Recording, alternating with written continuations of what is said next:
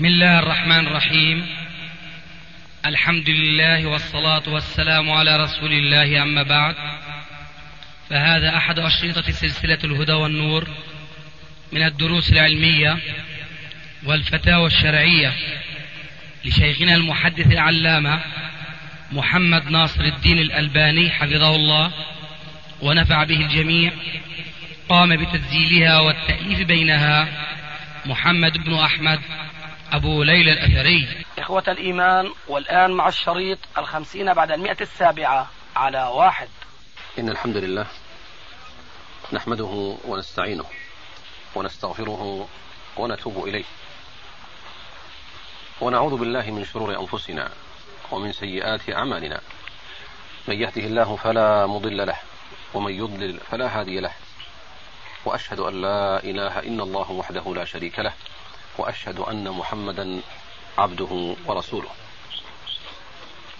أما بعد فقد من الله تبارك وتعالى علي بلقاء أحد علماء الإسلام السائرين على نهج خير الأنام وصحبه الكرام الذين جمع الله لهم بين العلم والعمل والفهم والعقل وما أعظم الإنسان إذا اجتمعت فيه هذه الصفات فهو إمام بحق.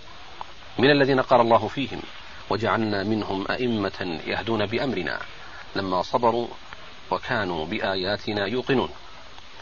ألا وهو فضيلة الشيخ محمد ناصر الدين الألباني وذلك في تاريخ الثالث عشر من الشهر العاشر لسنة ثلاث عشرة وأربعمائة وألف للهجرة وذلك ضمن تسجيلات سلسلة الهدى والنور الذي يقوم بتسجيلها الأخ الكريم أبو ليلى محمد بن أحمد وصلى الله وسلم وبارك على نبينا ورسولنا محمد.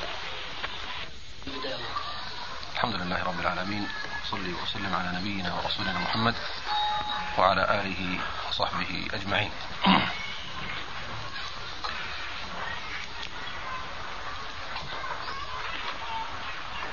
لا شك أن فضيلة الشيخ ناصر الألباني حفظه الله وسلمه وبارك فيه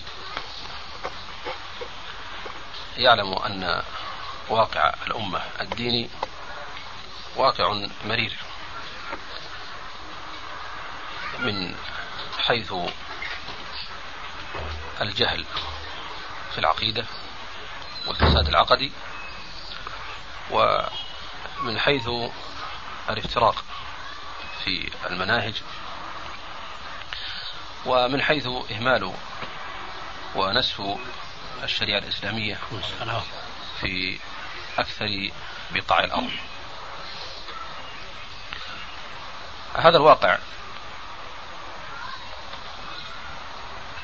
الغيرون من المسلمين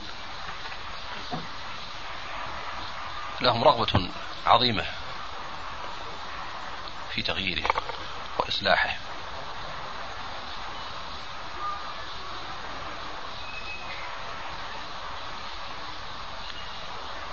إلا أنهم تختلف مآخذهم في إصلاح في إصلاح هذا الواقع كما يعلم فضيلتكم من خلال الحركات الإسلامية والجماعة الإسلامية التي جاهدت بإصلاح واقع الأمة الإسلامية ومع ذلك لم تفلح بل ربما حصل الأمة بسبب تلك الحركات نكبات ومصائب عظيمة. الشباب المسلم في حيرة وفي حيرة عظيمة. كيف يقابلون وكيف يعالجون هذا الواقع؟ وقد يشعر الواحد منهم أنه حمل جبالا عظيمة. فما هي نصيحتكم للشباب المسلم؟ وما هي الطرق النافعة الناجعة لمواجهة هذا الواقع؟ كيف تبرأ ذمة المسلم عند الله عز وجل يوم القيامة؟ إن الحمد لله نحمده ونستعينه ونستغفره ونعوذ بالله من شرور أنفسنا ومن سيئات أعمالنا. من يهده الله فلا مضل له ومن يضلل فلا هادي له. وأشهد أن لا إله إلا الله وحده لا شريك له وأشهد أن محمدا عبده ورسوله. يا أيها الذين آمنوا اتقوا الله وقولوا قولا سديدا. يصلح لكم أعمالكم ويغفر لكم ذنوبكم ومن يطع الله ورسوله فقد فاز فوزا عظيما. أما بعد فإن خير الكلام كلام الله وخير الهدي هدي محمد صلى الله عليه وآله وسلم وشر الأمور محدثاتها وكل محدثة بدعة وكل بدعة ضلالة وكل ضلالة في النار. بالإضافة إلى ما جاء في تضاعيف سؤال الأخ أبي عبد الرحمن عبد الله من سوء واقع المسلمين فكذلك نقول إن هذا الواقع الأليم ليس شرا مما كان واقع العرب في جاهليتهم وحينما آه، بعث إليهم آه، رسولنا صلوات الله وسلامه عليه. فلا شك أن واقع أولئك العرب الجاهلين كان أسوأ بكثير مما عليه المسلمون اليوم. وبناء على ذلك نقول آه، العلاج هو ذاك العلاج والدواء هو ذاك الدواء. فبمثل ما عالج النبي صلى الله عليه وآله وسلم تلك الجاهلية الأولى فعلى الدعاة الإسلاميين اليوم جميعهم أن يعالجوا واقعهم. الأليم. ومعنى هذا واضح جدا متذكرين فيه قول الله عز وجل لقد كان لكم في رسول الله أسوة حسنة لمن كان يرجو الله واليوم الآخر. فرسولنا صلوات الله وسلامه عليه هو أسوتنا في معالجة مشكل المسلمين في زمننا. وذلك بأن نبدأ بما بدأ به النبي صلى الله عليه وآله وسلم وهو إصلاح ما فسد من عقائد المسلمين أولا ومن عبادتهم ثانيا ومن سلوكهم ثالثا ولست أعني بهذا الترتيب هو الفصل بين الأمر الأول الأهم ثم المهم ثم ما دونه. وإنما أريد أن يهتم المسلمون وأعني بهم بطبيعة الأمر الدعاة منهم. ولعل الأصح أن نقول العلماء منهم لأن الدعاة اليوم مع الأسف الشديد صار يشمل كل مسلم ولو كان آه، على فقر مدقع من العلم فصاروا آه، يعدون أنفسهم دعاة إلى الإسلام ونعلم جميعا القاعدة المعروفة لدى لا أقول العلماء بل والعقلاء جميعا تلك هي التي تقول فاقد الشيء لا يعطيه.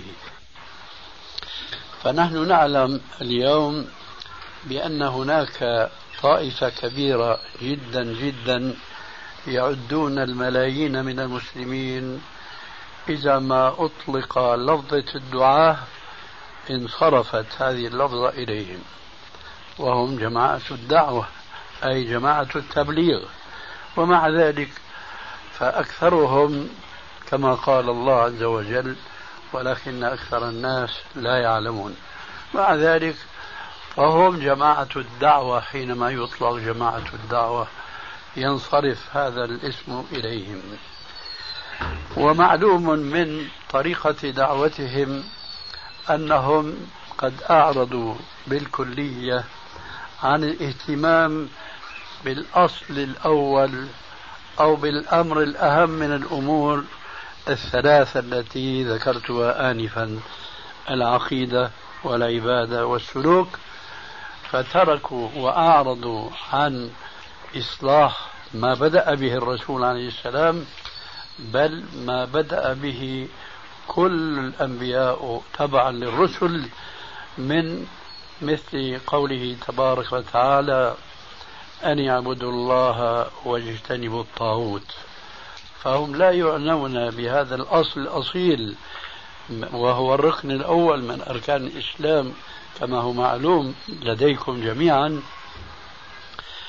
وهذا الأصل الذي قام يدعو إليه رسول من الرسل الكرام ألا وهو نوح عليه الصلاة والسلام آه، قرابة ألف سنة وهو يدعو إلى التوحيد.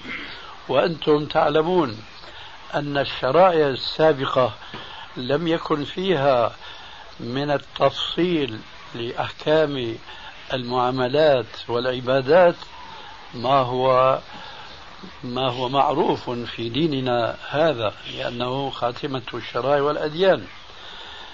ومع ذلك فقد لبث في قومه خمسين آه قد لبث في قومه ألف سنة إلا خمسين عاما. فيما إذا كان اهتمامه أن يفهم عنه التوحيد ومع ذلك فكما تعلمون من القرآن الكريم أعرضوا عن دعوته وقالوا لا تذرن آلهتكم إلى آخر الآية.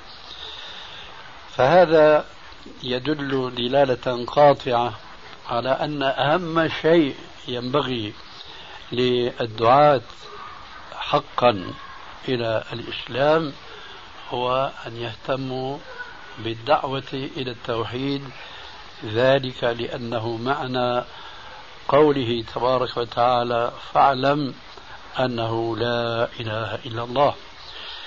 هكذا كانت سنة سنة النبي صلى الله عليه وآله وسلم فعلا وتعليما.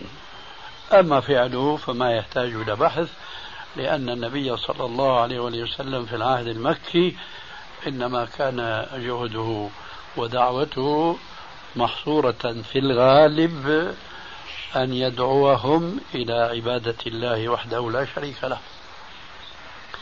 أما تعليما فتعلمون حديث آه، أنس بن مالك رضي الله تعالى عنه الوارد في صحيح البخاري ومسلم أن النبي صلى الله عليه وآله وسلم حينما أرسل معاذا إلى اليمن قال له ليكن أول ما تدعوهم إليه شهادة أن لا إله إلا الله.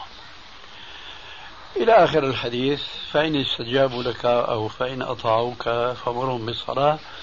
تمام الحديث هو معروف إن شاء الله. فإذا قد أمر النبي صلى الله عليه وآله وسلم أصحابه بما بدأ أن يبدأوا بما بدأ هو به وهو أن يدعوهم إلى شهادة التوحيد. لا شك أن هناك فرقا كبيرا جدا بين أولئك العرب المشركين آه، من حيث أنهم كانوا يفهمون ما يقال لهم بلغتهم. وبين العرب المسلمين اليوم والذين آه، ليسوا بحاجة إلى أن يدعوا إلى أن يقولوا لا إله إلا الله. فإنهم قائلون بها مهما اختلفت آه، مذاهبهم وطرائقهم وعقائدهم فكلهم يقول لا إله إلا الله. ولذلك فالدعاة اليوم ليسوا بحاجة إلى أن يدعوا المسلمين إلى أن ينطقوا بهذه الكلمة لكنهم في الواقع بحاجة أكثر من العرب في الجاهلية إلى أن يفهموا معنى هذه الكلمة الطيبة. هذا الفرق فرق جوهري جدا بين العرب الأولين الذين إذا دعاهم رسول الله صلى الله عليه وآله وسلم أن يقولوا لا إله إلا الله يستكبرون كما هو آه، صريح القرآن الكريم. لماذا يستكبرون؟ لأنهم يفهمون أن معنى هذه الكلمة أن لا يتخذوا مع الله أندادا وأن لا يعبدوا مع الله غيره وهم كانوا يعبدون غيره فهم ينادون غير الله ويستغيثون بغير الله فضلا عن التوسل بغير الله فضلا عن النذر لغير الله والذبح لغير الله من هذه الوسائل الشركية الوثنية المعروفة كانوا هم يفعلونها ولكنهم كانوا يعلمون أن من لوازم هذه الكلمة الطيبة من حيث اللغة العربية أن يتبرؤوا من كل هذه الأمور لمنافاتها لكلمة لا إله إلا الله. أما المسلمون اليوم الذين يشهدون أن لا إله إلا الله لكنهم لا يفقهون معناها بل لعلهم يفقهون معناها فهما معكوسا مقلوبا تماما. فكما تعلمون جميعا إن بعضهم ألف رسالة في معنى لا إله إلا الله ففسرها بالمعنى الذي كان عليه المشركون الذي كانوا يؤمنون به. ولئن سألتهم من خلق السماوات والأرض ليقولن الله فالمشركون كانوا يؤمنون بأن لهذا الكون خالقا لا شريك له في ذلك ولكنه مع ذلك كانوا يجعلون لله أندادا وشركاء في عبادته. فهم يؤمنون بأن الرب واحد لكن يعتقدون بأن المعبودات كثيرة ولذلك قال تعالى في الآية المعروفة والذين اتخذوا من دونه أولياء ما نعبدهم إلا ليقربونا إلى الله زلفى فهم كانوا يعلمون أن قول لا إله إلا الله ينبغي أن يتبرأ قائلها من كل عبادة سوى عبادة الله عز وجل. أما المسلمون اليوم فقد فسروا الكلمة الطيبة بلا رب إلا الله. فإذا قال المسلم لا إله إلا الله وهو يعني هذا المعنى لا رب إلا الله فهو والمشركون سواء. عقيدة. أما لفظا فهو مسلم لأنه يقول لا إله إلا الله. بخلاف المشرك لأنه يأبى أن يقول لا إله إلا الله فهو ليس مسلما لا ظاهرا ولا باطنا. أما جماهير المسلمين اليوم فهم مسلمون لأن الرسول عليه السلام يقول فإذا قالوها فقد عصموا مني دماءهم وأموالهم إلا بحسابهم إلا بحقها وحسابها وحسابهم على الله. ولذلك فأنا أقول كلمة ربما تكون نادرة الصدور مني وهي أن واقع المسلمين اليوم شر مما كان عليه العرب من حيث سوء الفهم لهذه الكلمة الطيبة. لأن العرب كانوا يفهمون لكنهم لا يؤمنون. أما المسلمون اليوم فيقولون ما لا يعتقدون. يقولون لا إله إلا الله وهم يكفرون بمعناه. ولذلك فأنا أعتقد أن أول واجب على الدعاة المسلمين حقا هو أن يدندنوا حول هذه الكلمة وحول بيان معناها بتلخيص ثم تفصيل لوازم هذه الكلمة الطيبة من الإخلاص لله عز وجل في العبادات بكل أنواعها لأن الله عز وجل لما حكى عن المشركين قالوا ما نعبدهم إلا ليقربونا إلى الله زلفى فكل عبادة توجه إلى غير الله فهو كفر بالكلمة الطيبة لا إله إلا الله.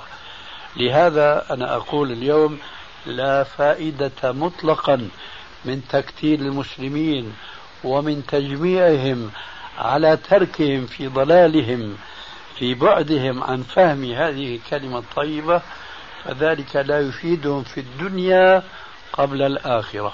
نحن نعلم جميعا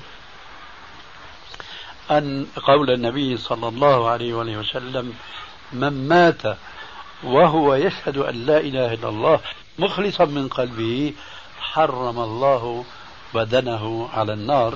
وفي حديثة أخرى دخل الجنة.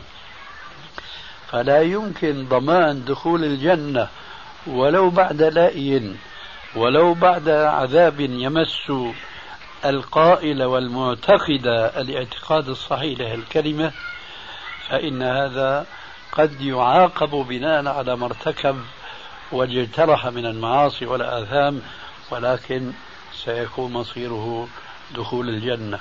وعلى العكس من ذلك من قال هذه الكلمة الطيبة بلسانه ولما يدخل الإيمان إلى قلبه فذلك لا يفيده شيئا في الآخرة.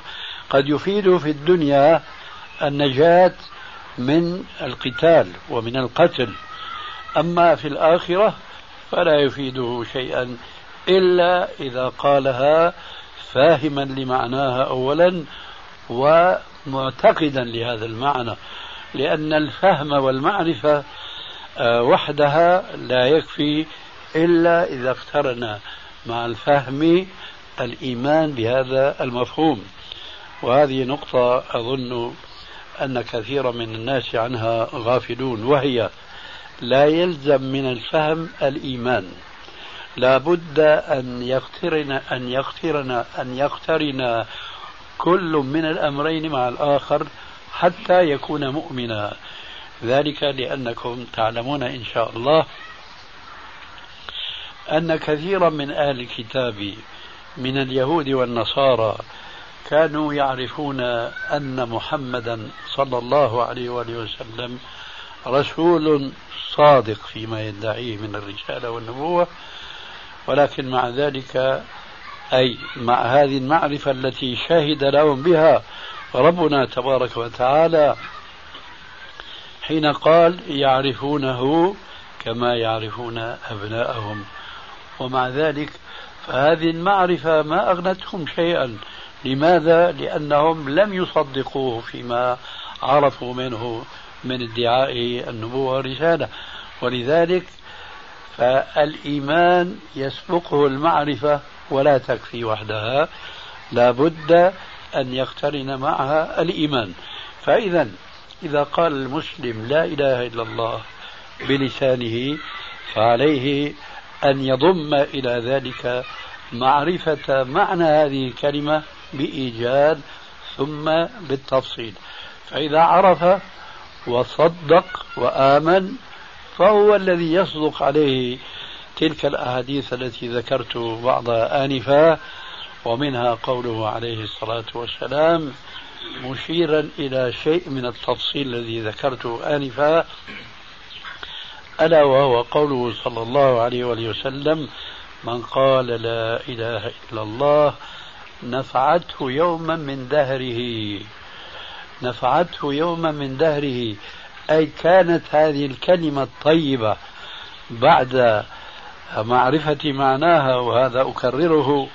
لكي يرسخ في الأذهان بعد معرفة معناها والإيمان بهذا المعنى الصحيح ولكنه قد لا يكون قام بمقتضياتها وبلوازمها من العمل الصالح والانتهاء عن المعاصي فقد يدخل النار كجزاء لما فعل وارتكب من معاصي أو أخل ببعض الواجبات ثم تنجيه هذه الكلمة الطيبة.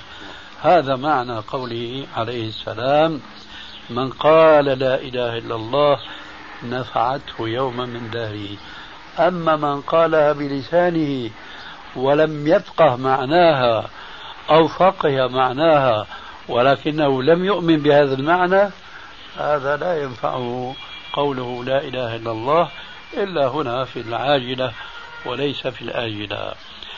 لذلك لا بد من تركيز الدعوة إلى التوحيد في كل مجتمع أو تكتل إسلامي يسعى حثيثا وبحق إلى ما يدندن به كل الجماعات الإسلامية أو لعل الأدق أن نقول جل الجماعات الإسلامية وهو تحقيق المجتمع الإسلامي وإقامة الدولة المسلمة التي تحكم بما أنزل الله.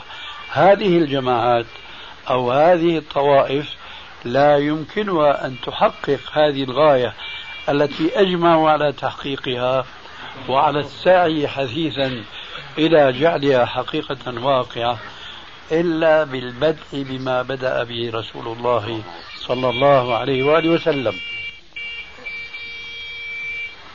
أعيد التنبيه إلى أنه لا أعني بهذا الكلام في بيان الأهم فالمهم وما دونه هو أن يقتصر الدعاة فقط آه، على الدعوة إلى هذه الكلمة الطيبة وفهم معناها لأن الإسلام بعد أن أتم الله عز وجل علينا النعمة بإكماله لدينه فلا بد لهؤلاء الدعاة أن يحملوه كلا لا يتجزأ.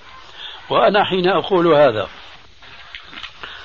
أقول بعد ذاك البيان الذي خلاصته أنه يجب على الدعاة الإسلاميين حقا أن يهتموا بالأهم مما جاء به الإسلام وهو تفهيم المسلمين العقيدة الصحيحة النابعة من الكلمة الطيبة. لا إله إلا الله. لكني أريد أن ألفت النظر إلى أن هذا لا يعني أن يفهم المسلم فقط أن لا إله إلا الله معناها لا معبود بحق في الوجود إلا الله فقط بل هذا يستلزم أن يفهم العبادات التي ينبغي أن يتعبد ربنا عز وجل بها ولا يوجه شيئا منها لعبد من عباد الله تبارك وتعالى. هذا التفصيل لا بد أن يقترن بيانه أيضا مع ذلك المعنى الموجز للكلمة الطيبة. يحسن أن نضرب مثلا أو أكثر من مثل حسب ما يبدو لي وأنا أرتجل هذه الكلمة. لبيان أن هذا البيان الإجمالي لا يكفي فأقول إن كثيرا من المسلمين الموحدين حقا والذين لا يوجهون عبادة من العبادات إلى غير الله عز وجل ذهنهم خالي من كثير من العقائد والأفكار الصحيحة التي جاء ذكرها في الكتاب والسنة. فكثير من الناس من هؤلاء الموحدين يمرون على بعض الآيات التي فيه تتضمن عقيدة وبعض الأحاديث الأخرى وهم غير منتبهين لما تتضمن هذه النصوص من عقيدة صحيحة وهي من تمام الإيمان بالله عز وجل. خذوا مثلا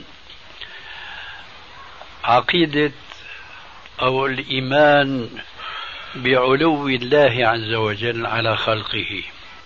أنا عارف بالتجربة أن كثيرا من إخواننا الموحدين السلفيين يعتقدون معنا بأن الله عز وجل على العرش استوى دون تأويل ودون تكييف ولكنهم حينما يأتيهم آه، معتزلي عصري أو جهمي عصري أو ماتريدي أو أشعري عصري فيلقي إليه شبهة قائمة على ظاهر آية لم يفهم معناها لا الموسوس ولا الموسوس إليه. فيحار في عقيدته ويضل عنها بعيدا لماذا؟ لأنه لم يتلقن العقيدة الصحيحة من كل الجوانب التي تعرض لبيانها كتاب ربنا وحديث نبينا حينما يقول المعتزلي المعاصر الله عز وجل يقول آمنتم من في السماء وأنتم تقولون إن الله في السماء.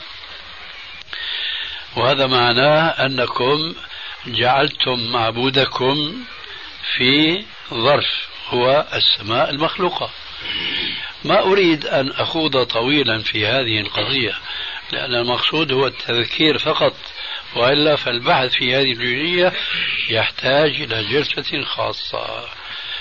أريد من هذا المثال أن عقيدة التوحيد بكل لوازمها ومتطلباتها ليست واضحة في أذهان الذين آمنوا بالعقيدة السلفية لا عن الآخرين الذين اتبعوا الجهمية أو المعتزلة أو الماتريدية أو الأشاعرة في مثل هذه المسألة.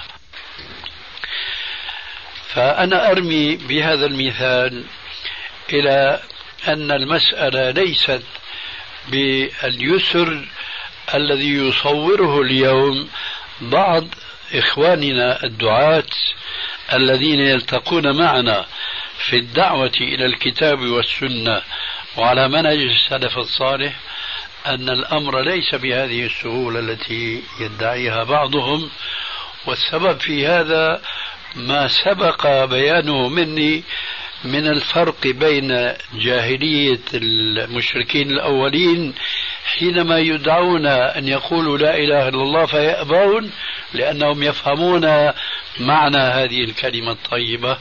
وبين المسلمين المعاصرين اليوم حينما يقول هذه الكلمة لكنهم يأبون معناها الصحيح. هذا الفرق الجوهري هو الآن متحقق في مثل هذه العقيدة عقيدة علو الله عز وجل على مخلوقاته كلها فهذا يحتاج إلى بيان. ولا يكفي أن يعتقد المسلم فقط معنى الرحمن عرش استوى ومعنى ارحموا من في الأرض يرحمكم من في السماء دون أن يعرف أن فيه هنا ارحموا من في الأرض يرحمكم من في السماء في هذه الظرفية. في هذا الحديث هي كفي في قوله تعالى آمنتم من في السماء أي من على السماء. حتى إذا جاء ذلك المعتزلي أو الأشعري ويسوس إليه وقال له وأنتم تجعلون ربكم في ظرف في السماء فيكون الجواب عنده لا لا منافاة بين قوله تعالى الرحمن على العرش استوى وبين قوله أمنتم من في السماء لأن فيه هنا بمعنى على هناك. والدليل كثير وكثير جدا من هذا الحديث المتداول على ألسنة الناس وهو بمجموع طرقه والحمد لله حديث صحيح ارحموا من في الأرض. لا يعني الحشرات والديدان التي هي في الأرض. وإنما من على الأرض من الإنسان والحيوان. يرحمكم من في السماء أي من على السماء. فمثل هذا التفصيل لابد أن يكون المستجيبون لدعوة الحق على بينة من الأمر. ويقرب لكم هذا أن تتذكروا حديث الجارية وهي راعية غنم كما تعلمون. حينما سألها الرسول عليه السلام وأنتم إن شاء الله ذاكرون الحديث وإنما أذكر الشاهد منه. قال لها أين الله؟ قالت في السماء. لو سألت اليوم كبار شيوخ الأزهر أين الله؟ لقالوا لك في كل مكان. بينما الجارية تحسن الجواب وهي جارية راعية غنم ما هو السبب؟ لأنها كانت تعيش في جو بتعبيرنا العصري جو سلفي. أي جو سني بالتعبير العام لأنها تخرجت كما يقولون أيضا اليوم من مدرسة الرسول صلى الله عليه وآله وسلم. هذه المدرسة لم تكن خاصة في بعض الرجال ولا في بعض النساء وإنما كانت تنتقل من ناس إلى ناس فتعم السكان جميعهم من رجال ونساء. ولذلك عرفت الجارية وهي راعية غنم العقيدة الصحيحة التي جاء بها رسول الله صلى الله عليه وسلم في الكتاب وفي السنة. اليوم لا يوجد شيء من هذا من هذا البيان وهذا الوضوح بحيث أنه لو سألت ما أقول راعية غنم بل لو سألت راعي أمة وجماعة قد يحار في الجواب كما يحار الكثيرون اليوم. فإذا قضية الدعوة إلى التوحيد وتثبيتها في قلوب الناس ما يكفي أن نمرر الآيات كما كان الأمر في العهد الأول لأنهم أولا كانوا يفهمون العبارات العربية بيسر وثانيا لم يكن هناك زيغ وانحراف في العقيدة نبع من الفلسفة ومن علم الكلام فقام يعارض العقيدة السليمة. نحن أوضاعنا اليوم تختلف تماما فلا يجوز أن نتوهم بأن الدعوة إلى العقيدة الصحيحة هي اليوم من اليسر كما كان الأمر في ذلك اليوم من اليسر. وأقرب لكم هذا بمثل لا يختلف فيه اثنان ولا ينتطع فيه عنزان إن شاء الله. من اليسر المعروف يومئذ أن الصحابي يسمع الحديث من رسول الله مباشرة. ثم التابع يسمع الحديث من الصحابي مباشرة. وهكذا نقف عند القرون الثلاثة المشهود لها بالخيرية. هل كان هناك شيء اسمه علم الحديث؟ لم يكن هناك شيء اسمه علم الحديث. علم الجرى والتعديل لم يكن شيء منه. أما الآن فهذا أمر لا بد منه وهو فرض من فروض الكفاية. العالم اليوم لكي يتمكن من معرفة هذا حديث صحيح أو ضعيف ليس هذا ميسرا له كما كان الأمر بالنسبة للصحابي لأنه يتلقى الحديث من فم النبي صلى الله عليه وسلم غدا طريا. ثم التابعي يتلقاه من الصحابة الذين زكوا بشهادة الله عز وجل لهم إلى آخره. فما كان ميسورا يومئذ ليس ميسورا اليوم. لهذا ينبغي ملاحظة هذا الأمر والاهتمام كما ينبغي مما يتناسب مع المشاكل المحيطة بنا اليوم بصفتنا مسلمين ما لم يكن المسلمون الأولون قد أحاط بهم مما أحاط بنا من الإشكالات والشبهات وعلم الكلام. من أجل ذلك أو يحسن بنا أن نذكر من أجل ذلك جاء في بعض الأحاديث الصحيحة أن النبي صلى الله عليه وآله وسلم لما ذكر الغرباء في بعضها قال للواحد منهم خمسون من الأجر. قالوا منا يا رسول الله أم منهم؟ قال لا منكم. ثم علل ذلك بقوله عليه السلام إنكم تجدون على الحق أنصارا ولا يجدون على الحق أنصارا. هذا من مقتضى الغربة الشديدة القائمة اليوم التي لم تكن في الزمن الأول. لا شك أن الزمن الأول الغربة كانت بين شرك وتوحيد.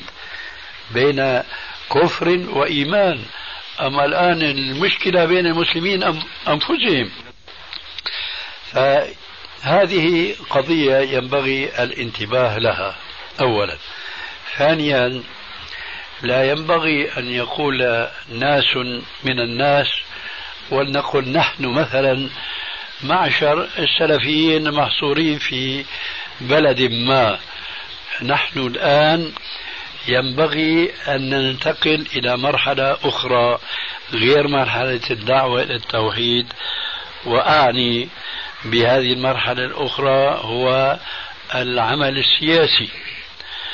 لا ينبغي أن نقول هذا لأن الإسلام دعوته دعوة حق أولا وعامة ثانيا. نحن ما ندري من أين سينبع الحركة التي يبدأ منها تحقيق الحكم بالإسلام في أرض الله الواسعة. ولذلك فيجب أن تكون دعوتنا عامة. إن كانت مثلا دعوتنا في بلد عربي كمثل بلدنا هذا مثلا فما ينبغي أن نقول نحن عرب والقرآن نزل بلغتنا العرب مع أننا نذكر بأن العرب اليوم كبعض الأعاجم الذين استعربوا فالعرب اليوم استعجموا بسبب بعدهم عن لغتهم وهذا مما أبعدهم عن فهم كتاب ربهم وسنة نبيهم. فهب أننا نحن العرب هنا فهمنا الإسلام فهما صحيحا فلا نقنع بأننا نكفي نحن أن نعمل عملا سياسيا ونحرك الناس ونشغلهم بالسياسة عما يجب عليه من الاشتغال في فهم الإسلام كما قلنا آنفا ليس محصورا بالعقيدة بل بالعبادة وفي المعاملات وفي السلوك.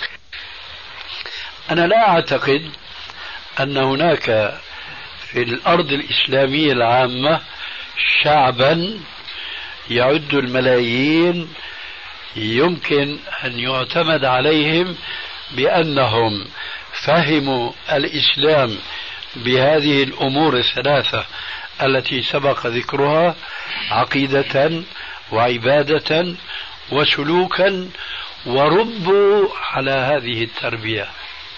لا أعتقد هذا موجود.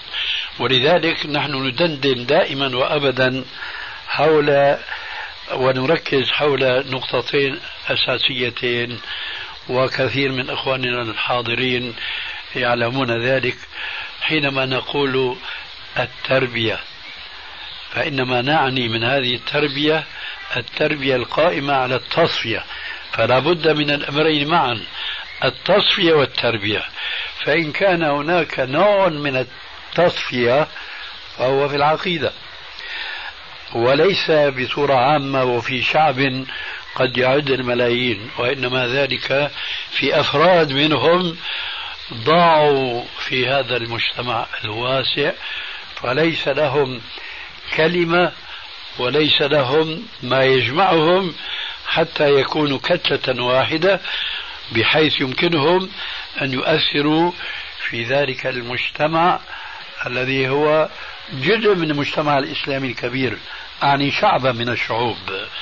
فقد يكون هناك أفراد فهموا الإسلام فهما صحيحا من كل الجوانب نفترض هذا وهذا بعيد جدا لأني أعتقد أن فردا بل ولا خمسة ولا عشرة ولا عشرين يستطيعون أن يقوموا بواجب التصفية.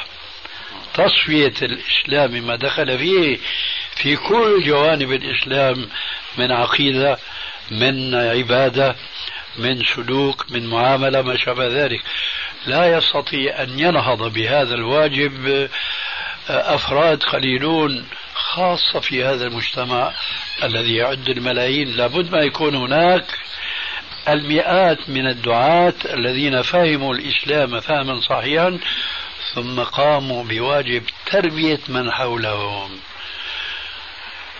التربية هذه الآن مفقودة ولذلك سيكون للتحرك السياسي الآن آثار سيئة قبل تحقيق هاتين القضيتين الهامتين التصفية والتربية.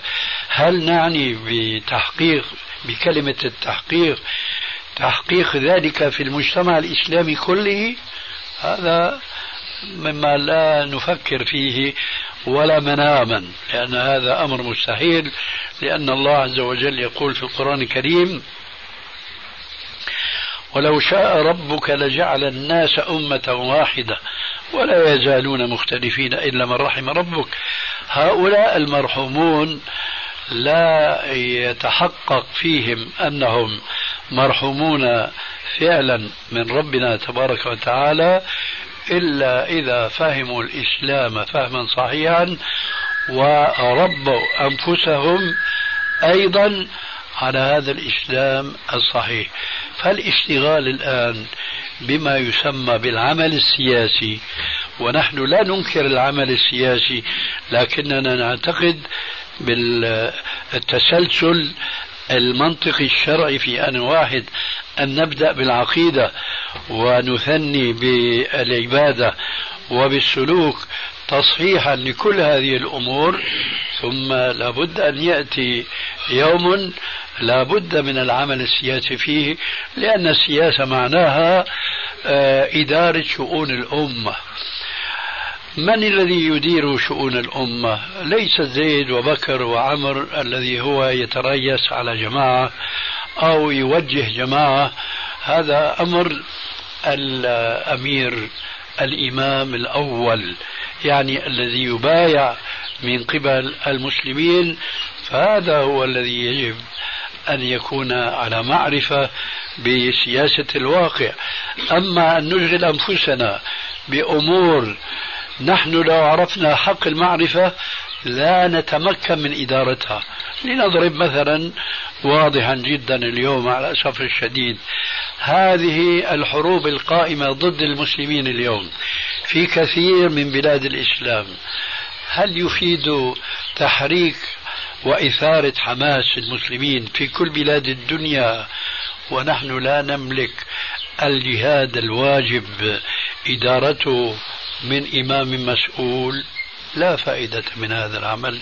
لا نقول هذا ليس بواجب هو واجب ولكنه أمر سابق لأوانه. ولذلك فعلينا أن نشغل أنفسنا وأن نشغل غيرنا ممن ندعوهم إلى دعوتنا أن نفهمهم الإسلام الصحيح وأن نربيهم تربية صحيحة. وإشغالهم بأمور حماسية فذلك مما سيصرفهم عن التمكن في الدعوة التي هي تجب أن يقوم بها أو أن تقوم في ذهن كل مكلف من المسلمين كتصحيح العقيدة وتصحيح العبادة وتصحيح السلوك. هذه من الفروض العينية التي لا يعذر مقصر فيها. أما الأمور الأخرى فهي بعضها يكون من الفروض الكفائية كما يقال اليوم من معرفة الفقه الواقع أو الاشتغال بالعمل السياسي وما شابه ذلك.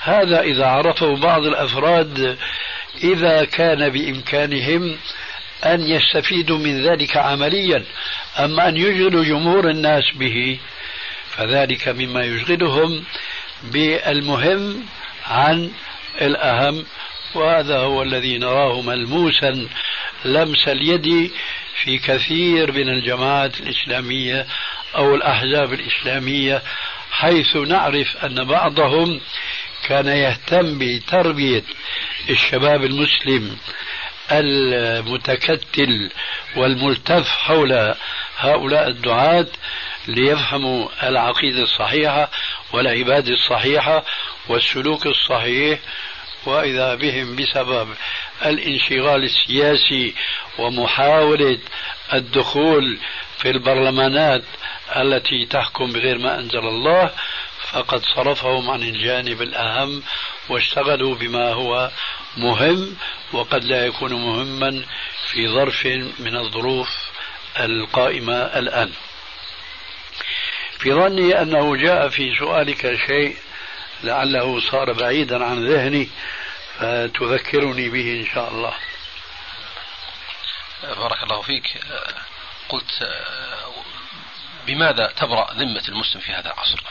إذا كان لا يمكنه مثلا تغيير منكر عظيم يكرهه ويبغضه أو تغيير واقع كما تفضلت قبل قليل.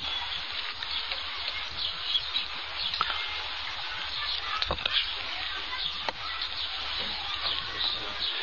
كل كل من المسلمين بحسبه. آه، العالم يجب عليه ما لا يجب على غير العالم.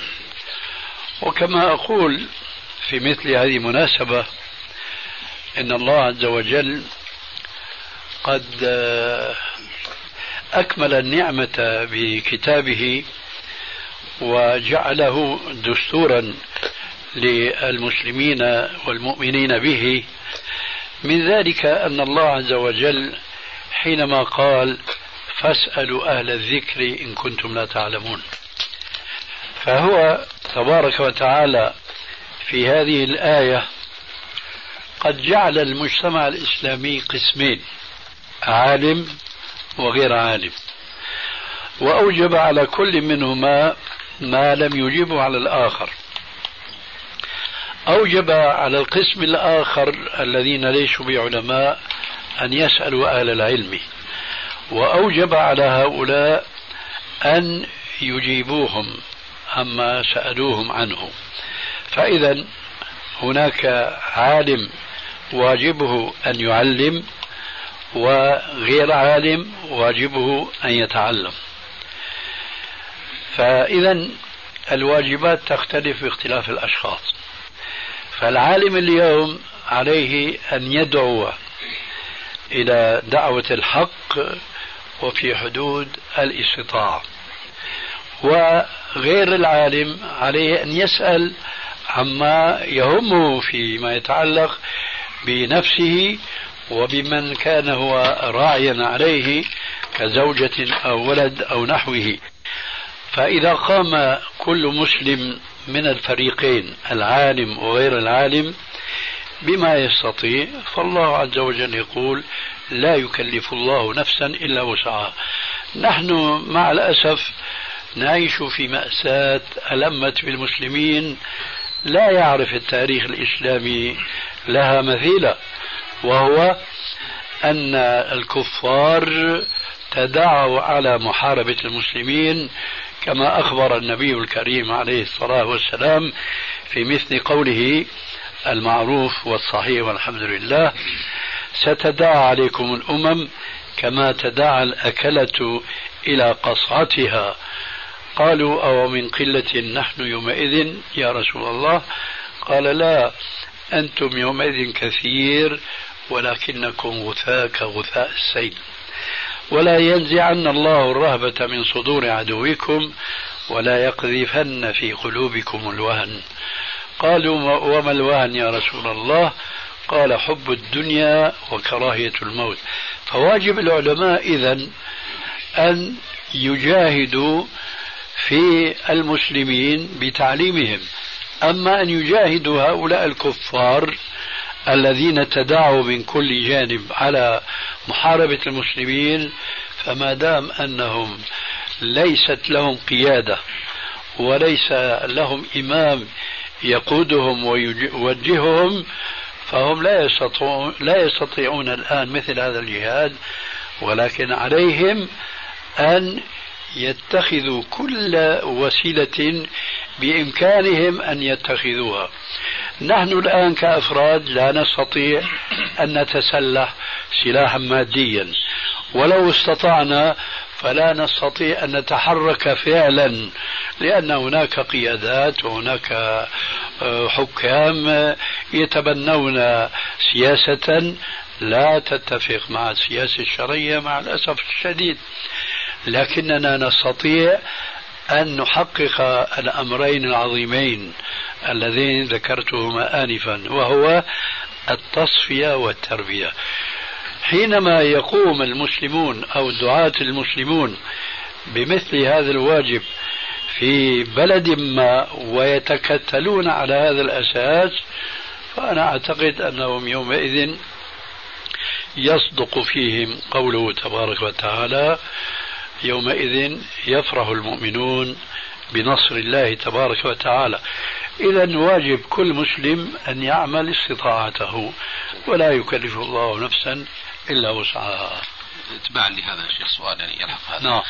هل نفهم من كلامك يا شيخ أنه لا تلازم بين إقامة التوحيد الصحيح والعبادة الصحيحة وبين إقامة الدولة الإسلامية؟ لا لا تلازم لأن هناك بلا شك وهذا أمر معروف أن بعض الأزمنة آه، قد تكون العزلة هي خير من المخالطة. فيعتزل المسلم في شعب من هذه الشعاب ويعيش هناك وحده. يعبد ربه عز وجل ويكتفي شر الناس إليه وشره إليهم. فهذا أمر قد جاءت فيه أحاديث كثيرة وكثيرة جدا وإن كان الأصل كما جاء في حديث ابن عمر المؤمن الذي يخالط الناس ويصبر على أذاهم خير من الذي لا يخالطهم ولا يصبر على أذاهم.